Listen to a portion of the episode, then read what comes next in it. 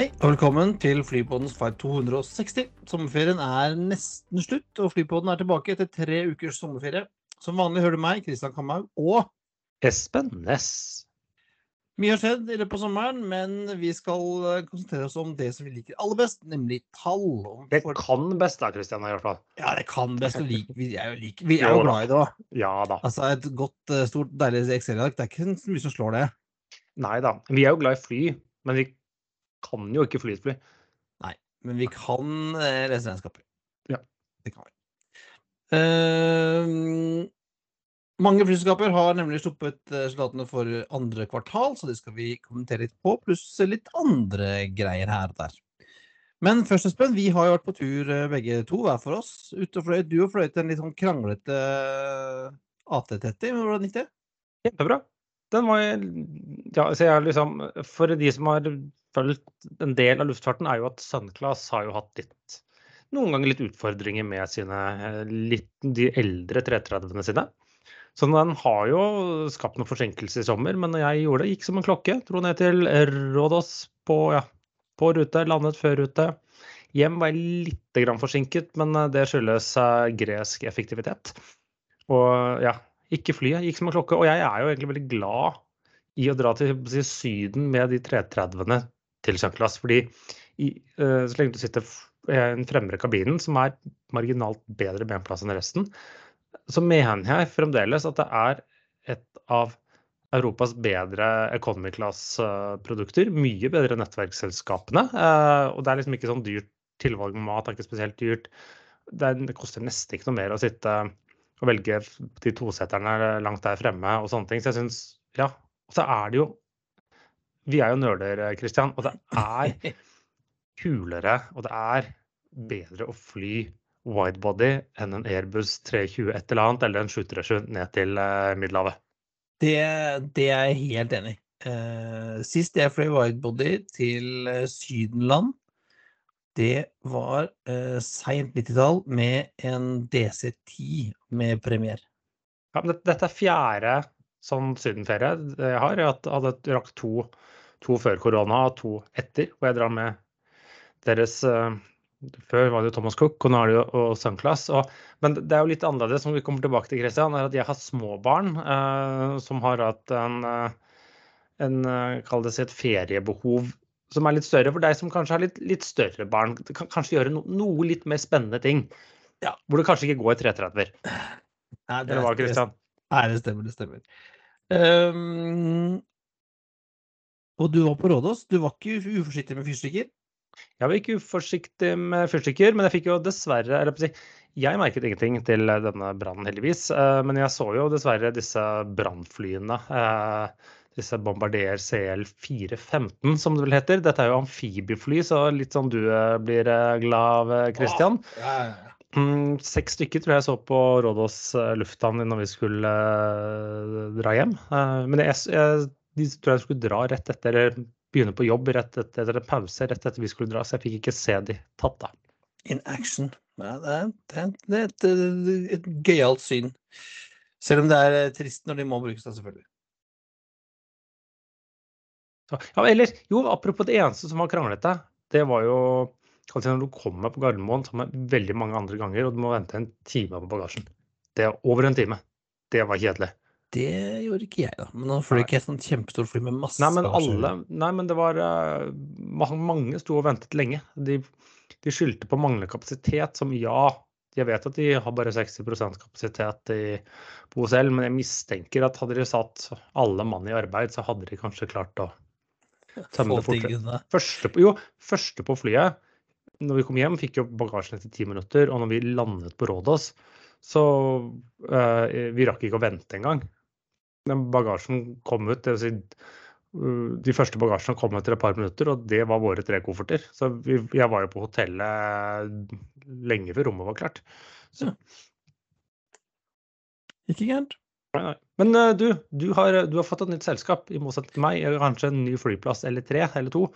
Ja, jeg har, altså, jeg, jeg har fått, eh, jeg har fått en, eh, en bingo, nesten. Jeg har fått mm, to nye flyplasser.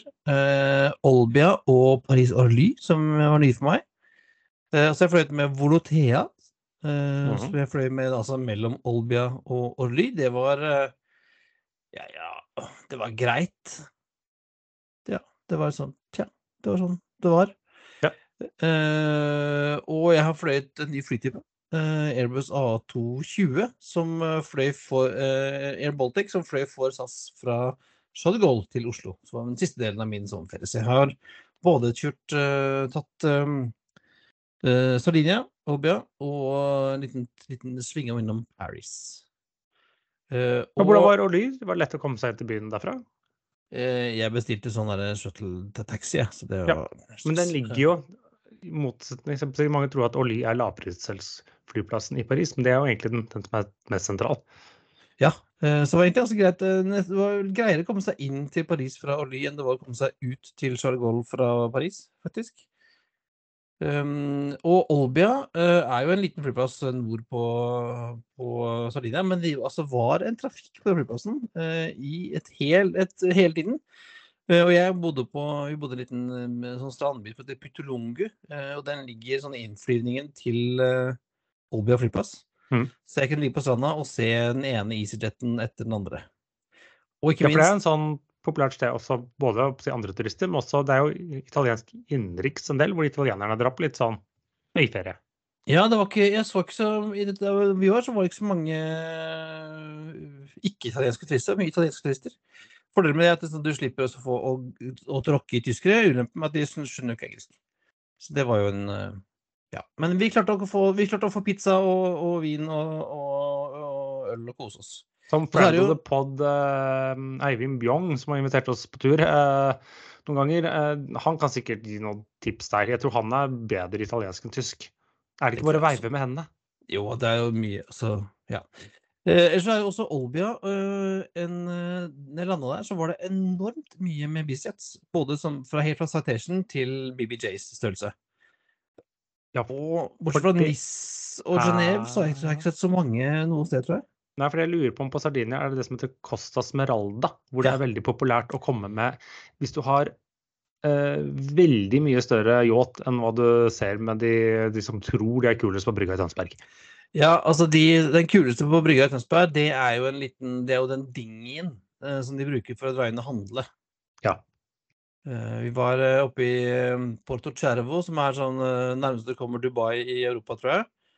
Eh, etter Saint-Tropez og, og litt sånn. Der var det, lå det en liten yacht på 270 fot. Ja. Og de fikk levert to Lamborghinier når de gjør det. Mm. Men eh, fin, jeg fikk også, så også det sto tre sånne kanaderer på flyplassen i Olbia. Fikk ikke, ble ikke brukt, brant ikke noe eh, på Sardinia, heldigvis. Så bra for Sardinia. Kjedelig for meg, da, selvfølgelig. Ja, det, det er bedre at det er litt kjedelig for deg. Men eh, skal jeg gi deg noen eh, flighter med sommerens tema, Christian? Gjør, det. Men først vil jeg bare ha et lite tips. Eh, Tips eller advarsel? Eh, Og, og advarsel. Eh, Hvis du øh, Jeg har øh, for, Jeg har tidligere lett etter denne Star Alliance-loungen på Charles de Gaulle i terminal 1. Ja. Og vi har snakket om før, Espen, at terminal 1 Charles de Gaulle er jo kanskje den mest bedritne flyplassen som fins. Den har sin sjarm på sin veldig franske måte. Høres ut som Thomas Lone, men ja. Eh, sist gang ga jeg opp, jeg fant den ikke, men nå tenkte jeg nå skal jeg søren meg finne den Star Lines-loungen. Og den er altså opp i tiende etasje, eh, ut av Schengen. Og Ut av sikkerhetskontrollen. Nei, eh, for dette er jo, sikkerhetskontrollen er jo ikke før du kommer ut i hvert av beina, vet du. Ah, sånn er det. Så du slipper sikkerhetskontroll, men du må altså ut av Schengen og vise pass. eh, Og så må du opp i Og det var veldig og det var fin ikke, god mat og greier. eh, Og så var det ut igjen, eh, og så må du da inn i Schengen igjen. Så du må innom en passkontroll. Der I god fransk effektivitet så var det selvfølgelig én eh, person som satt der og tok sin tid. Jeg tror jeg heller hadde brukt eh, tiden min på å kjøpe andekonfitt på taxfree-en der enn å lete etter den lunsjen, Christian. Jeg vet ikke, altså Charles 1 er jo såpass dritkjedelig at uh, det var verdt det var, det var verdt en, en ekstra anturen, faktisk. Men bare hvis du skal det der, husk å bruke Husk at du har, må ha tid. Og de advarte også for når vi kom inn i loungen, så, så sa de eh, husk at du må dra herfra en time før eh, avgang. Hvor tidlig møter du opp på flyplasset, Christian? Eh, akkurat eh, ja, ja, Her var jeg faktisk eh, Vi var to timer før, tror jeg. Ok, ja, Nettopp fordi jeg vet at Paris er så, så er det sånn, og så skal liksom komme deg ut med, med Uberen ut, og så var det sånn, ja, litt stressende. Så mm, Og hadde, så det, så hadde jeg skulle ha tid til å være den der Star Loungen, at jeg syns den var litt fin. Ja. Men i hvert fall, eh, vi skal tilbake til uh, ukens flighter, Espen. Du har funnet noe gøy til meg? FR 260 BER til KGS med en 737-800. Det er Ryanair fra Berlin-Brandenburg til eh, et eller annet sted i Hellas, tror jeg. Kos. Kos var det selvfølgelig. Mm. Og så er det GQ 260 ATH til EFL med en ATR 72. Eh, og da er vi uh, Vi skal til Kefalonia, tror jeg. Ja, det var det vanskeligste ikke med dette. Og så er det ikke så mange greske flyselskap, Christian. Det er vel eh, Det er vel Olympic, da vel? Nei, det er jo OA for Ja. Olympic og A3 for Aegen, og så har vi har det ett selskap til der omtrent. Ja, de er det andre som heter Helen... Er de Hellenic, eller noe sånt? Sky Express. Sky Express. Yes. De begynner å bli ganske Eh, store. De har Airbus A321A og Airbus A320A og Ja, stemmer det. masse Interline med sånn KLM og litt sånne ting. Så de slår seg opp som god nummer to der. Men nok om det. Så er det LS260 fra CFU til LBA med 737-800. Da uh, Jet 2. Mm. Uh, Korfu til uh, Leeds Bradford, er det vel? Ja. Så Og tema- Temaet er greske øyer, da. Temaet ble gresk øy. Så jeg klarte da å koble det til min eh, årets uh, sommerferie. Årets første sommerferie, vel. Ja da, jeg er ikke helt ferdig. og så en ulykkesflight også. En Litt tilbake i tid. TWA 260 tilbake i 1955.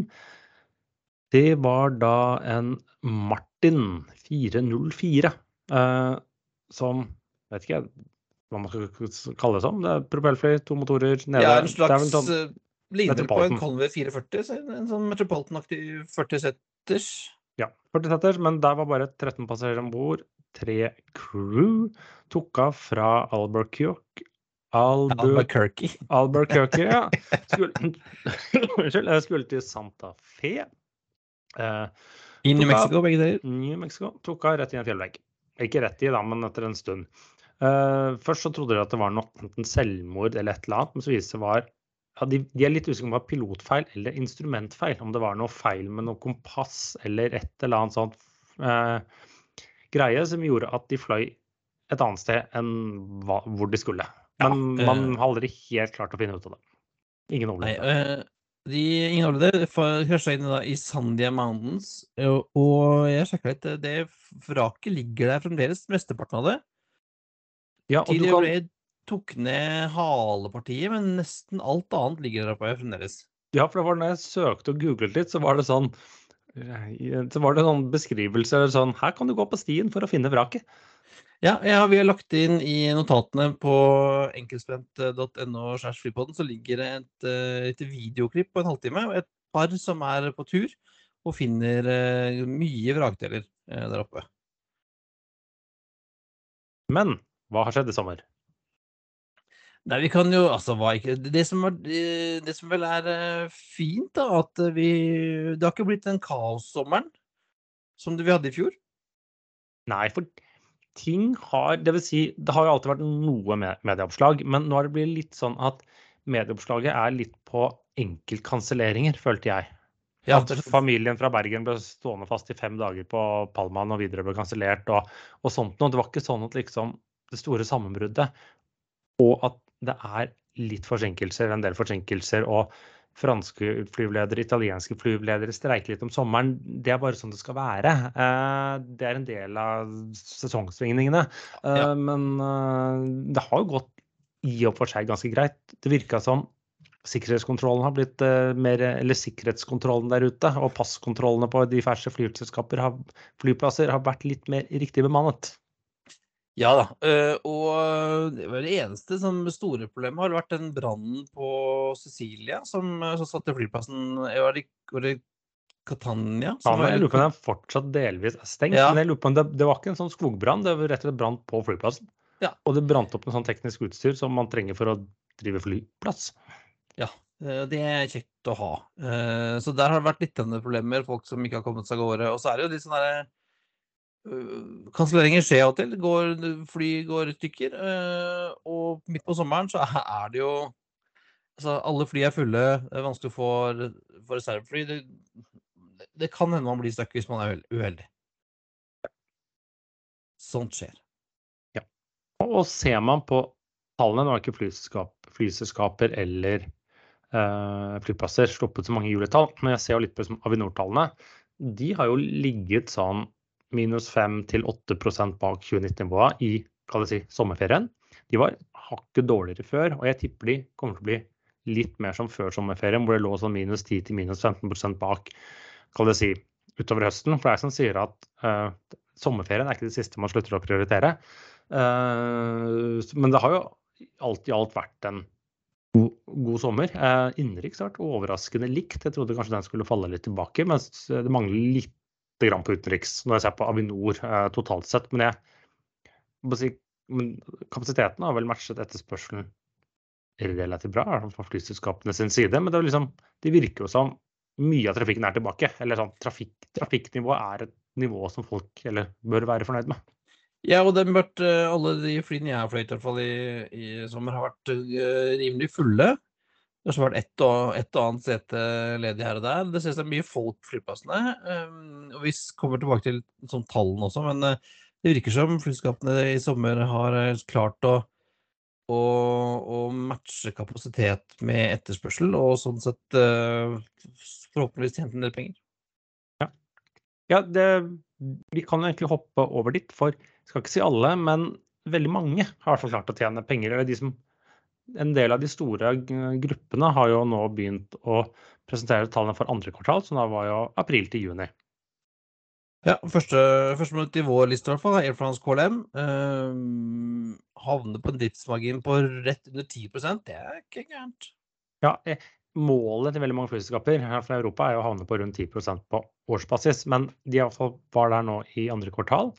Eh, Driftsoverskudd det tilsvarte jo 733 millioner euro, så vi nærmer det å snakke om 8 milliarder kroner. Eh, kapasitetsmessig 92% av 2019-nivået. De genererer veldig bra med cash, og jeg ser gjelden deres eh, betales egentlig ganske hurtig ned. Så kanskje eventuelt de har råd til å kjøpe et annet flyselskap hvis de vil. Ja, for det ryktes vel om at Air France KLM skulle kanskje være interessert i å kjøpe et uh, restrukturert uh, SAS? Jeg har hørt rykter, men eh, jeg vet ikke noe mer enn det, egentlig. Og, og Air France KLM har jo i siste gjort en del dealer med Apollo Asset Management, som jo Ja. er dypt inne i SAS-restruktureringen også. Ja, de driver og dealer med disse Apollo, eh, dette fondet Apollo med litt sånne De selger noen motorer, og så lister de tilbake tilbake genererer sånn. Og så nå skulle de ikke selge, men de skulle si, Flying Blue, som er deres bonusprogram, eh, så skulle de lage et eget selskap sammen med disse Apollo, og, så generere liksom 1,5 milliarder i ny egenkapital gjennom å putte altså noen sånn tredjepartsdealer inni det selskapet. Eh, det er jo masse penger i det her, eh, men eh, tydeligvis at de bruker dem eh, som man kaller det en viktig finansieringskilde. Ja. Så der kan det skje, skje ting. Um, IAG Ja, eh, andre kvartal de hadde et overskudd på 1,25 milliarder eh, eh, euro. Eh, rask hoderegning, bra da snakker vel 13 milliarder kroner. Eh, og det er fire ganger så mye som i fjor, og det er vel omtrent sånn meste de har tjent tror jeg, omtrent i Q2 noen gang. Og det som er litt morsomt her, er at de trekker fram som gjør det liksom eksepsjonelt bra i gruppen, er Iberia. Som Ja. var jo blant tidligere kall det si, blant Europas syke mann, fram til de ble restrukturert og sånne ting. Nå gjør jo de det egentlig så det suser. Ja, også for å minne de som ikke husker, så er jo IAG, eh, International Airlines Group, består av Iberia, British Airways, eh, Aer Lingus, Wailing, Level og etter hvert også Air Europa. Ja, de har kjøpt opp Air Europa. Og, og så blir det jo Nå bytter jeg litt tema, men etter hvert jeg hører både IAG Lufthansa-gruppen og muligens Air France. Er, vi snakket om SAS som i praksis er til salg. Det er også et annet sånn haltende, kronisk haltende selskap som er til salgs igjen, og det er jo TAP. Ja. Og alle de snuser visstnok eh, der også. Så det blir spennende å se.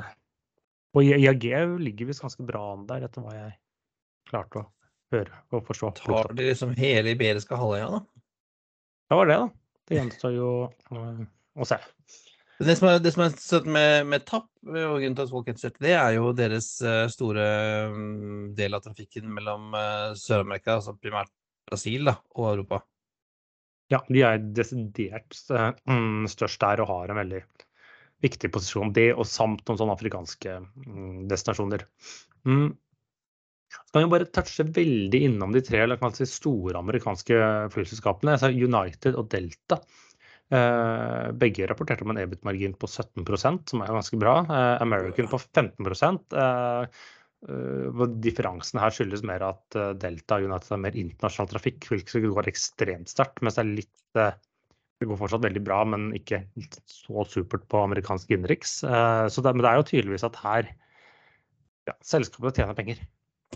De amerikanske selskapene har jo mm, tidligere enn de europeiske klart å balansere den um, etterspørsel-tilbudskurven. Uh, og, og, lenge klart å melke markedet for, med god, god yield. Det hjelper da når du har de fire selskapene som er de aller, aller, aller største, som klarer som å hvis, Så lenge de klarer å ikke gjøre alt mye, mye gærent, så skal det være godt gjort å ikke tjene penger. Mm. Og, så ser vi også det. Vi tar en liten tur til, til Asia. Eh, Singapore Airlines Group, eh, liksom hele gruppa med Singapore Airlines, rapporterte sine, sine tall. Det inkluderer også da Skutt, lappeselskapet deres. De tjente 550 millioner dollar, så 5,5 milliard kroner i uh, forrige uh, kvartal. Og, de har aldri hatt et så stort kvartalsoverskudd noensinne. Og på tross av at de er på si, bare 90% av 2019-kapasiteten. Så det er jo tydeligvis at billettprisene de klarer å generere er vesentlig høyere nå enn det var for uh, fire år siden. Ja, eh, så alle har vel skrudd ned kapasiteten litt. og Det hjelper jo det med å, gjøre det enklere å dra ut uh, høyere gild. Jeg så forresten et intervju med en av hva var det, var turistsjef på, på Kanarien eller noe sånt, som klagde over at flyselskapene tok seg så godt betalt, og dermed fikk de mente at man fikk færre turister. da. Jo, den har jeg også sett. sånn at de, de som ønsker si, høyest mulig volum, eller litt sånn si hotellene og sånne ting, eh, sliter, sliter, og sliter. Men de merker, en del steder merker det da at flybillettene blir dyrere, så kommer færre folk. Ja. Det um, er ikke sikkert det er så dumt, Espen, egentlig, med færre folk og høyere pris. Nei, for det. Er det, da, selvfølgelig. Ja, apropos, men her er det noen som har flere folk og enda høyere priser. Og, Alt er en som skal ødelegge. Ja, Ryanair de eh, har et, tatt et driftsresultat i andre kvartal på over 700 millioner euro. Så hva blir det, 8 milliarder kroner, og vel så det. Uh, I første kvartal uh, tre ganger så mye som i fjor, sånn ish. Uh, de, Ryan, og Ryanair er jo større enn i 2019, og betydelig større. For uh, er det noe de kan, så er they don't let a good crisis go to waste. Så de pøser jo på med nye fly, og flyr jo vesentlig mer enn nå enn i, i 2019. Ja. Det er altså utrolig hva Michael Leary og gjengen eh, får til. For eh, det er jo bare å gønne på, virker det som. Mm. Det var leit å høre. Pust dypt. Det var Siri som hadde noe å si. Men så er det jo sånn at det er jo alltid unntak. Ja, eh, og vi skal tilbake til våre gamle venner eh, i Air Belgium, hvor det har vært stille en god stund, men eh, nå Ja, det er stille fram til hver gang de skal hente penger. ja, det kan virke sånn. Og nå må de altså ut og hente bedre penger igjen. For, av, av nye investorer. De har bedt om mer penger fordi at de i 2022 da, det endte på et tap på 44,6 millioner eh, euro. Som var types eh, fire ganger så mye som de tapte året før. Eh, og har tapt nå 91 millioner euro eh, siden de starta. Og nå skal de ha inn en ny investor. De skal utsette aksjer for det 15 millioner nye euro. Så da får de halvparten av selskapet. Så blir det veldig utdanning av det eksisterende. Selv om jeg tror det er disse litt kineserne som skal gå inn igjen. Men de har som sagt Belgium er en artig sak, og de har klart å holde seg i luften lenge, men penger har de aldri tjent. Nei, og det virker som det er sånn en ny måned, en ny strategi. De skulle, en periode skulle de drive ruteflyvninger til Hongkong, og så droppa de det. Og så skulle de drive wetlease, og så skulle de gjøre uh, ruteflyvninger til uh, Karibien. Og, så- og så fant de at det, det tjente de heller ikke penger på, så det har de droppa. Altså, du, de forsøker Og å bli og ja. Ja, de kjører på nye fraktfly. Og, men jeg ser nå de flyr bl.a. for British Airways i sommer på Wetlease. For heller ikke British Airways har jo nok eh, fly til å fly langdistanseprogrammet sitt. Nei, og så mener de at de har tapt penger da, i sommer fordi de ikke hadde fly tilgjengelig i sommeren, hvor det da er behov for uh, kapasitet. Det har jo vært et og annet fly som har utstående. stående. Så altså, hva sier Espen? Skal vi, hadde du putta pengene inn i Air Belgium? Nei, det er ikke mine det er, mine, det er ikke mine penger som går til å rekapitalisere dem, for å si det sånn.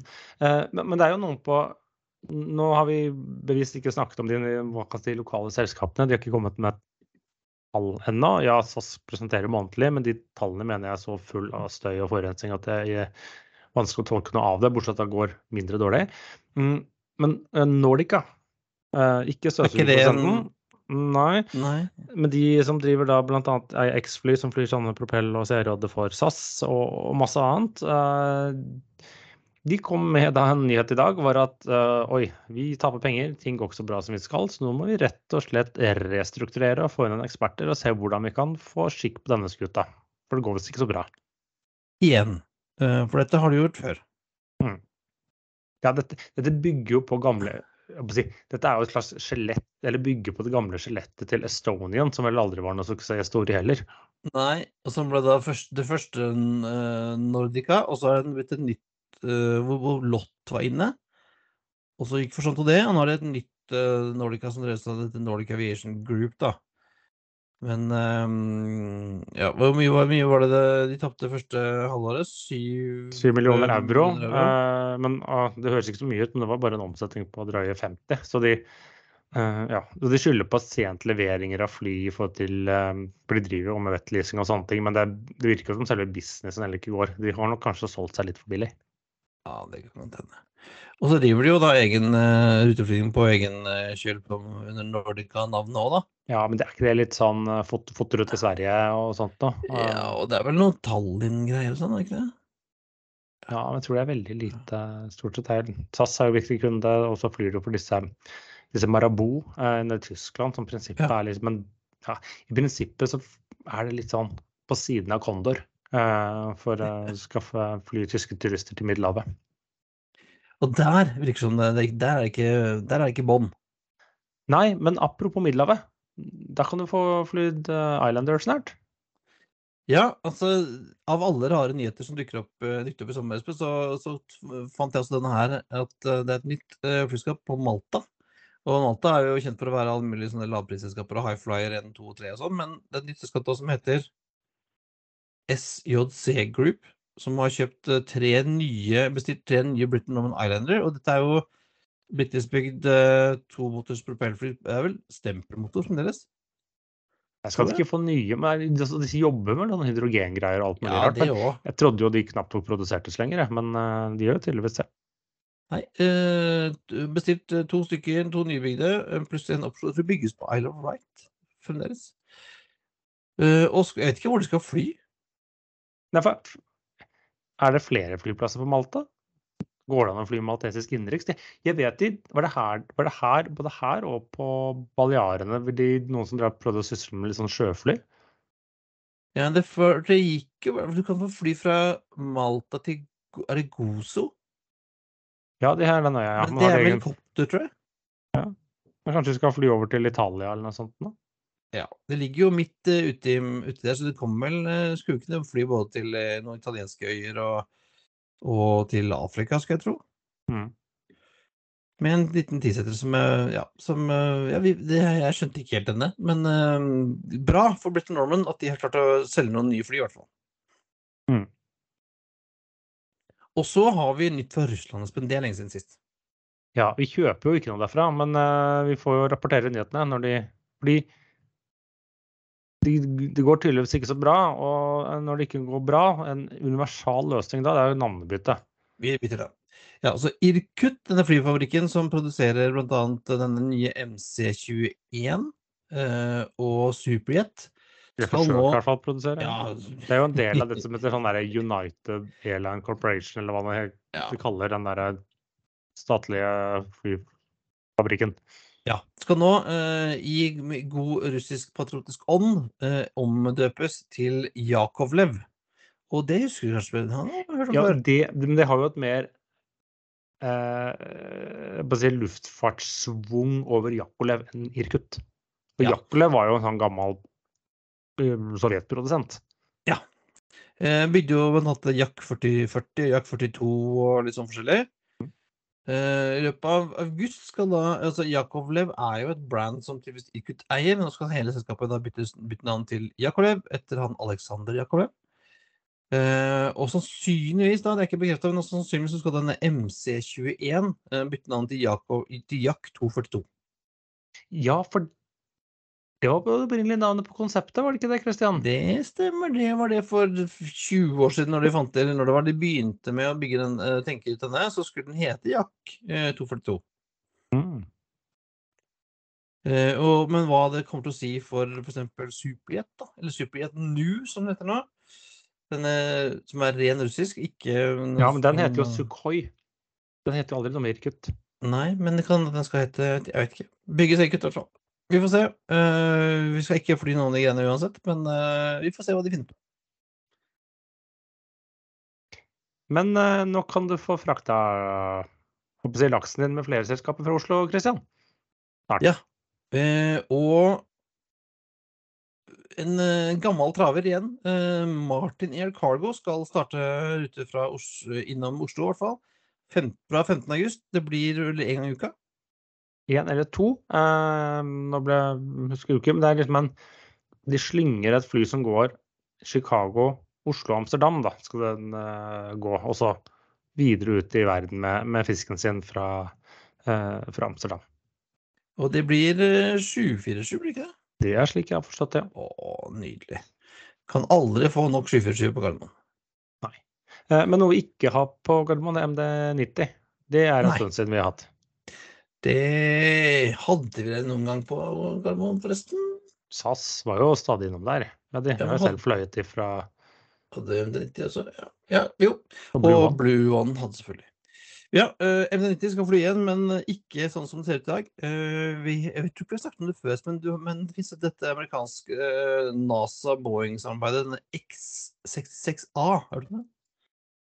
Eh, så vidt det, det, det skal sies, dette er jo ikke en flytype som skal i kommersiell produksjon. Dette er en eh, forskningsprosjekt. Et forskningsprosjekt er det, Ja. det er helt riktig. Eh, kalles også The Transonic Trust-Braced Wing. Som er basically et fly med veldig lange og tynne vinger. Som skal gjøre- gjøre det at eh, man kan spare, redusere utslipp med 30% i forhold til dagens maskiner. Eh, og det, som man skal da ta en tidligere Delta M90 som skal bygges kraftig. og skal, sånn Flykroppen eh, blir eh, M90, men de skal kutte, gjøre den kortere beholde cockpit-seksjon og haleseksjon. Skal ta av motorene som henger bak, men beholde T-halen. Mm. Og så skal de kappe av de vingene som er lav, de lave vingene. Sette på nye, tynne vinger på toppen av flykroppen. Ja, for det, blir liksom, det blir ikke et biplan, men det blir nesten. Ja, litt sånn så, altså, hvis du tenkte en, en så Vi fløy jo Cessna 172. Ja. Eh, og den har jo vinger, og så har den sånne eh, stenger, kaller jeg det. Ja, men her skal vi li... Som- disse skal vel også gi litt løft, Gi løft, disse ja. stengene. Ikke bare ren støttestag som på Det Cessna. Eh, både støttestag og skal de gi løfte. Altså, så de er litt sånn bredere, tynnere. eh, Så det blir en slags nesten dobbeltdekker. Mm. Eh, og så skal den da få motorer eh, også hengende under vingene. Eh, først er det snakk om å bruke sånne geared turbofans, de samme som er på A220, tror jeg. Mm. Som jo virker sånn av og til. Eh, og så er planen å, ut, å eventuelt eh, bytte ut med sånne gear Det er sånne open fan jets. Mm. De svære greiene. Eh, og det morsomme er at disse lange, lange vingene, så er det jo uh, Vingespennet er jo på nesten 50 meter, så tilsvarer en 767. Men når skal de fly, Christian? Skal visst starte med testflighter i 2028. Mm. Så det blir jo spennende å se på. Eh, Og så skal jo da man bruke disse funnene de har gjort eh, her, ved, til liksom å bygge neste generasjons mellomdistansefly, da, er tanken vel. Ja, det blir spennende å se eh, hva resultatet blir, selv om kall det si, under en kommersiell en kommersialisering av dette ligger sånn fort 15 år fram i tid. Ja, eh, og det er ikke sikkert det kommer til å se sånn ut i det hele tatt, men det er, sånn, de skal lære å, å, å, ja, å finne forsknings, forske på dette for å se om de kan lage fly som er enda litt mer effektive enn det vi har i dag. Ja. Men eh, har vi noen anbefalinger før vi avslutter i dag, Christian? Eh, jeg har to. Ja. Vi kan begynne med anbefaling. Jeg tror vi nevnte den øh, før også. Flight parking. Ja. Eh, på Gardermoen. Eh, jeg leverte bilen min på Det heter Flight Park, gjør det ikke det? Flight Park? Jeg tror det. Jeg har brukt det en gang for lenge siden. Ja. Altså Det er sånn valet parking-greier. Du kjører bilen din, leverer den eh, fra deg, og så står den klar og venter når du kommer eh, tilbake igjen. Så istedenfor å ta buss og styre med bagasje og sure unger og sur, sur kone, så kan du bare dra rett på hente bilen og kjøre hjem. Helt nydelig. Og så nevnte vi jo eh, litt før sommerferien en bok uh, av Terje Johansen som heter 'Mannen som ville fly som en sommerfugl'. ja, den fikk jeg også lest i, i sommer. Og det, eh, hvis dette stemmer, så er det jo egentlig ganske interessant. Eller det var, det var, det var interessant uansett. Men uh, hvis si, teoriene her, eller hypotesen her faktisk er riktig, så er det egentlig veldig kult for norsk luftfart. Ja, altså det er en, en liten blekke på en uh, 75 sider som handler om uh, Hans Andreas Berentsen Navrestad fra Lund i Rogaland, som visstnok uh, fløy med et selvbygd fly i 1820-årene. Eh, og når vi sier fly, så er det mer sånn, litt sånn Otto Lindentall, en sånn type sommerfuglvinger av uh, skinn og, og noe stang og greier. Men han skal ha fløyt. En slags hangglider. Ja. Ja. Uh, det er lite med, med faktisk bevis for dette, men det har mye, vært mye omtale om det. Uh, og det er en, en, gøy liten, eh, en gøy liten bok. Vi Ja, legger man går jo gjennom det, selv om det ikke man, man sier at man har jo vanskelig konkret bevis unntatt øyenvitneskildringer av ting og tang.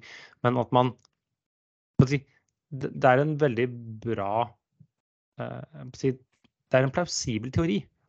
Ja, og den får ganske mange forskjellige kilder som nevner noe om dette, i hvert fall. Mm. Eh, Synd ø, Visstnok så skal liksom dette resten av flyet ha, ha funnes ganske langt fram mot vår tid, men det fins ingen, ingen bevis for det lenger. Men altså, jeg anbefaler denne lille blekka. Fort lest, men en, en gøy og litt sånn ukjent del av norsk flyhistorie. Men det var alt for denne gang. Det er på tide å feste sikkerhetsbeltene, rette opp setet og sikre frisikt ut. Og vinduet ettersom flight 260 går inn for landing. Som vanlig flinner du linker til det vi har snakket om i dag på flypodden.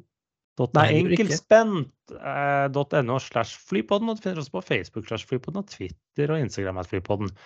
Har du spørsmål, vil du invitere oss på tur, eller ønsker du at vi skal ta opp noe spesielt, eller f.eks. sponse oss, er det bare å sende oss en mail på hallo at flypodden.no.